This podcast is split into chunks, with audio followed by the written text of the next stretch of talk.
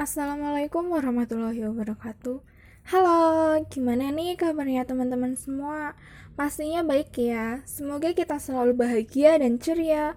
Walaupun kita sedih, anggap aja semuanya itu angin lewat yang harus kita nikmati dan syukuri ya teman-teman.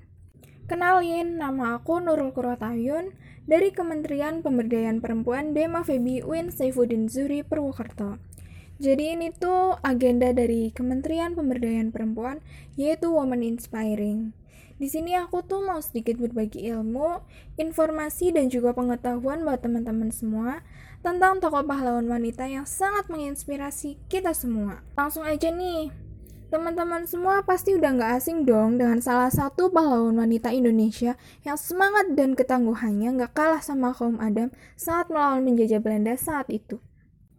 Yaps, udah ketebak langsung dong. Dia adalah darah cantik keturunan Aceh bernama Cut Nyadin. Cut Nyadin adalah pahlawan perempuan Indonesia yang tak kenal menyerah. Ia dijuluki sebagai Ratu Aceh karena tekadnya yang kuat dalam melawan kolonial Belanda di Aceh. Ia menghabiskan masa hidupnya dengan terus melakukan pertempuran. Semua itu ia lakukan demi menggapai cita-cita bangsa, yaitu terbebas dari kekuasaan penjajah Belanda. Cut Nyadin adalah keturunan bangsawan Aceh yang lahir pada 1848 di Kampung Lampadang, Paukan Bada, wilayah Namukim, Bar, Aceh Besar. Saat usianya 12 tahun, ia dijodohkan dengan Teguh Ibrahim. Suaminya adalah seorang pemuda berwawasan luas dan taat kepada agama. Dari pernikahannya tersebut, mereka dikaruniai seorang anak laki-laki. Pada 29 Juni 1878, Togo Ibrahim wafat nih. Kematian sang suami membuat Cut Nyadin terpuruk. Tapi kejadian itu tuh nggak membuat putus asa Cut Nyadin. Sebaliknya, itu adalah menjadi alasan kuat Cut Nyadin berjuang menggantikan sosok suaminya tersebut. Selepas kematian suaminya, Cut Nyadin menikah lagi dengan Toko Umar. Tidak hanya diikatkan dengan tali pernikahan, tetapi mereka bersatu untuk memerangi penjajah Belanda bukan karena semata-mata ingin mendapatkan sosok kepala rumah tangga di dekatnya. Tapi Cut Nyadin beralasan ingin berjuang bersama dengan laki-laki yang mengizinkannya terjun ke medan perang untuk melawan Belanda. Cut Nyadin bersama Tuku Umar menguatkan barisan para pejuang untuk kembali mengusir penjajah Belanda dari bumi Aceh. Keduanya melakukan pertempuran dengan semangat juang yang membara. Salah satu keberhasilan mereka yakni merebut kembali kampung halaman Cut Nyadin. Toko Umar juga berpura-pura tunduk kepada Belanda demi mendapatkan pasokan persenjataan yang kemudian mereka gunakan untuk kembali menyerang penjajah Belanda. Belakangan ini, Toko Umar gugur dalam medan laga di Manglabo. Suami keduanya itu gugur karena itikat menyerangannya sudah diketahui Belanda sejak awal.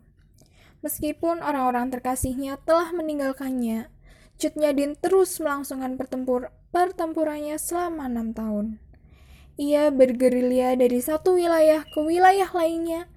Selama itu, ia bersama rakyat dan pejuang lainnya dihadapkan pada penderitaan, yaitu berupa kehabisan makanan, uang, dan juga pasokan persenjataan.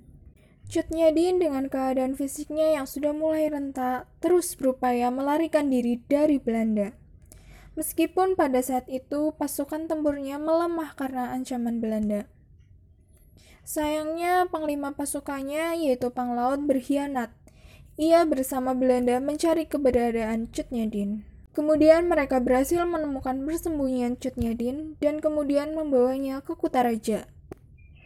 Gubernur Belanda di Kutaraja, yaitu Van Delen, gak suka karena Cutnyadin tuh diperlakukan baik di situ.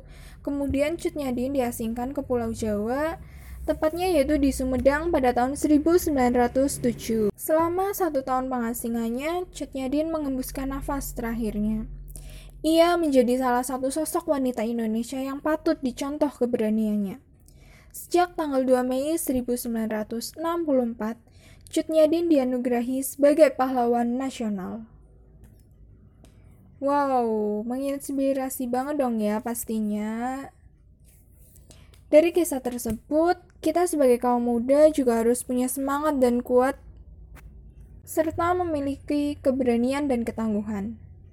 kita bisa kok bersaing sehat bersama-sama untuk membanggakan negara kita tercinta, Indonesia. Tentunya bukan perang melawan negara lain ya. Zaman kita itu udah beda. Kita bisa bersaing dalam bidang kepandaian, olahraga, dan lain sebagainya. Nah, sekian nih cerita menginspirasi dari aku. Terima kasih banyak buat teman-teman yang udah nyimak sampai akhir. Kurang lebihnya mohon maaf. Wassalamualaikum warahmatullahi wabarakatuh.